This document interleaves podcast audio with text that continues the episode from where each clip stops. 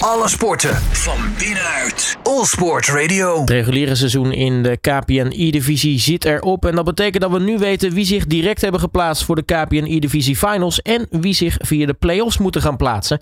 En een van de ploegen voor wie volgende week die o zo belangrijke play-offs gaan aanbreken, dat is AZ. En ik ga erop vooruitblikken met eh, een van de spelers van AZ, namelijk eh, Dani Visser. Dani, hele goedemiddag. Goedemiddag. Um, ja, met mij gaat het hartstikke lekker. Hoe gaat het met jou? Ah, gaat ook wel lekker hoor. Kijk, hartstikke mooi. Want ja, het reguliere seizoen zit er inmiddels op natuurlijk. Uh, volgende week begint die uh, o zo spannende play-offs. Uh, allereerst, hoe, hoe, kijk je eigenlijk terug op, op afgelopen seizoen, of op het reguliere seizoen, laat ik het zo zeggen?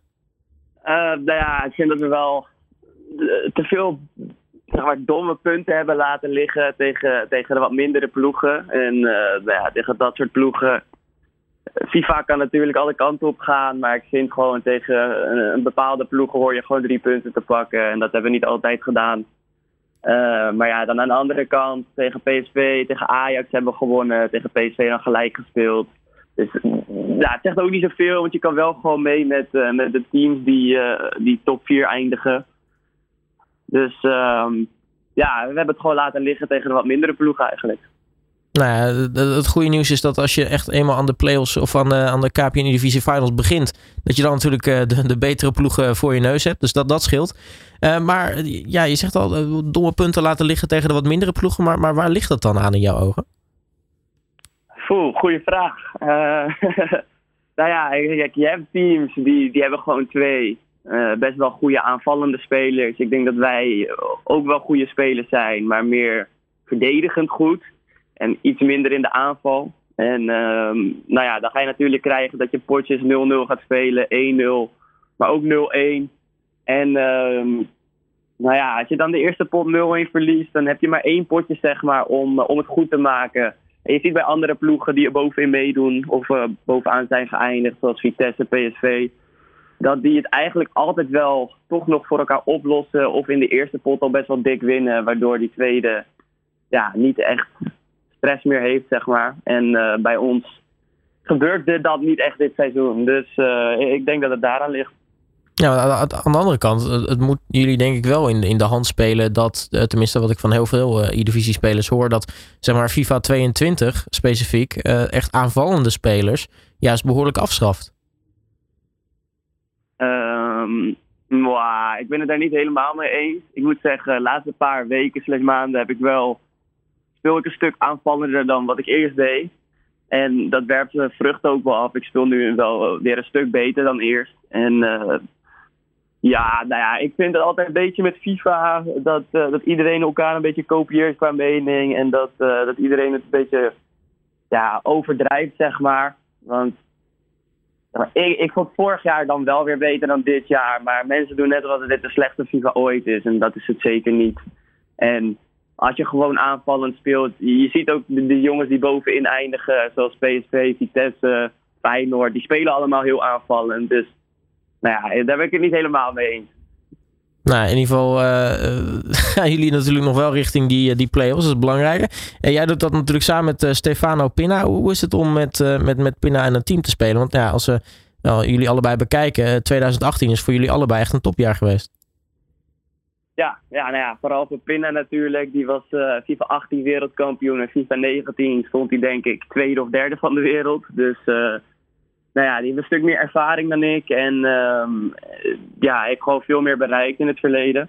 Dus uh, het is natuurlijk altijd mooi om zo'n teamgenoot te hebben. En ook dit jaar staat hij internationaal weer, wat is het, 9 tot en met 12 vanaf van onze region, dus Europa West. En nou ja, je weet wel dat je zeg maar altijd kan vertrouwen in je teamgenoot. En dat je nooit echt bang hoeft te zijn. Dat hij echt hard onderuit gaat. Of dat soort dingen. Dus ja, in dat geval is het wel uh, gewoon chill natuurlijk om zo'n teamgenoot te hebben. Nou, jij, jij uh, downsize jouw rol in 2018 een beetje. Maar jij bent gewoon nog uh, E-divisie kampioen geweest in dat jaar. Dus. Ja, dat was, uh, dat was inderdaad in 2019. Dus dat was een jaar te later. Um, alleen ja, nou ja, ik moet zeggen, sinds vorig jaar kan ik denk ik zelf ook wel mee met, uh, met de echte topspelers. Dus ik denk dat we gewoon een heel goed team zijn. En uh, dat moeten we dinsdag laten zien. En uh, dan hopen, hopen dat we de finals halen.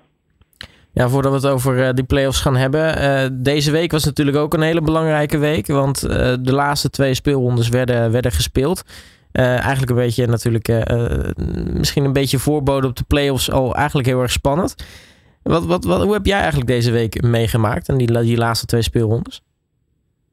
Nou, eigenlijk hadden we het uh, die twee weken daarvoor het al een beetje laten liggen tegen Groningen en PSV. Dus uh, ja, we zouden het eventueel nog kunnen halen als alles perfect liep. En het mooie is eigenlijk wel dat ook alles perfect liep. Want we wonnen onze eerste, eerste, eerste wedstrijd de laatste speeldag. En um, ja, we stonden twee punten achter op Ajax, die in de top 4 stonden. En uh, of twee punten op Twente uit mijn hoofd, ik weet het niet precies. Alleen we konden die in ieder geval nog inhalen. En dan, uh, ja, wij moesten tegen Twente laten speelronde, die, uh, die dus zo hoog stonden. Dus wij konden zelf nog Twente inhalen, hadden we in eigen hand. En Ajax moest verliezen van Cambuur. Dus, nou ja, dat Ajax verliest van Cambuur, die kans is natuurlijk niet super groot. Maar ik had eigenlijk wel vertrouwen in dat dat ging gebeuren. En, uh, maar ja, dan moesten wij wel winnen van Twente. En alles liep eigenlijk goed, behalve dat laatste. En uh, nou ja, uiteindelijk verloren we dan. Dat had niet per se gehoeven, maar stond gelijk. En uh, ik zette volle druk, want aan een gelijkspel hadden we eigenlijk. Dus ik moest scoren. Nou ja, dan krijg je hem tegen. Nou ja, jammer dan. Is ook niet heel erg eigenlijk. Maar ja, wel jammer, want uh, als we die hadden gewonnen, waren we gewoon direct geplaatst. Nou, die dingen kunnen natuurlijk uh, gebeuren. Nu dus uh, de play-offs. Hoe, bereid jij je samen met uh, Stefano nu voor eigenlijk op, op volgende week? Nou, niet per se samen met Stefano, maar vooral gewoon zorg dat ik er zelf sta. Ik, ik speel veel friendlies, dus tegen vriendschappelijke potjes, tegen andere, andere goede spelers.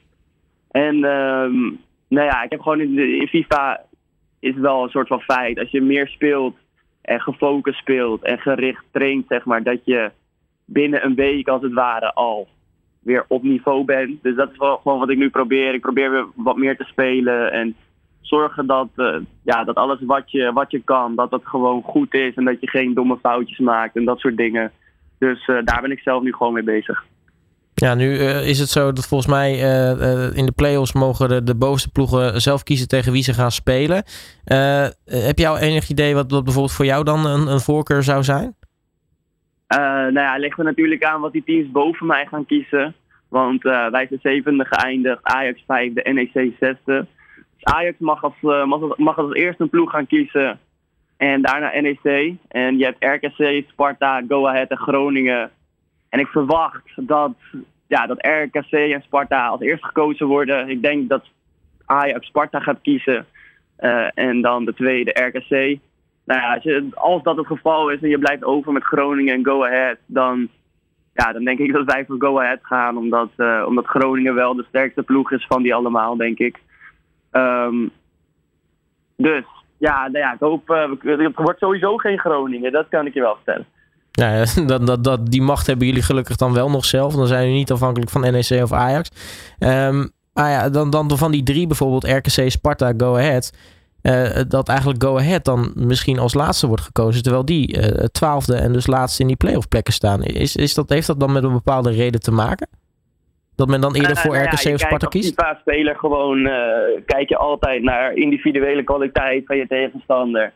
En nou ja, wat iemand internationaal ook presteert en noem maar op. En dat speelt allemaal wel mee. En maakt dan eigenlijk niet zoveel uit hoe slecht of hoe goed iemand zijn seizoen is. Want uh, stel je voor, um, iemand eindigt achtste die, uh, die het internationaal heel goed doet. En iemand eindigt bijvoorbeeld derde die, die het internationaal niet goed doet, maar in de E-divisie wel.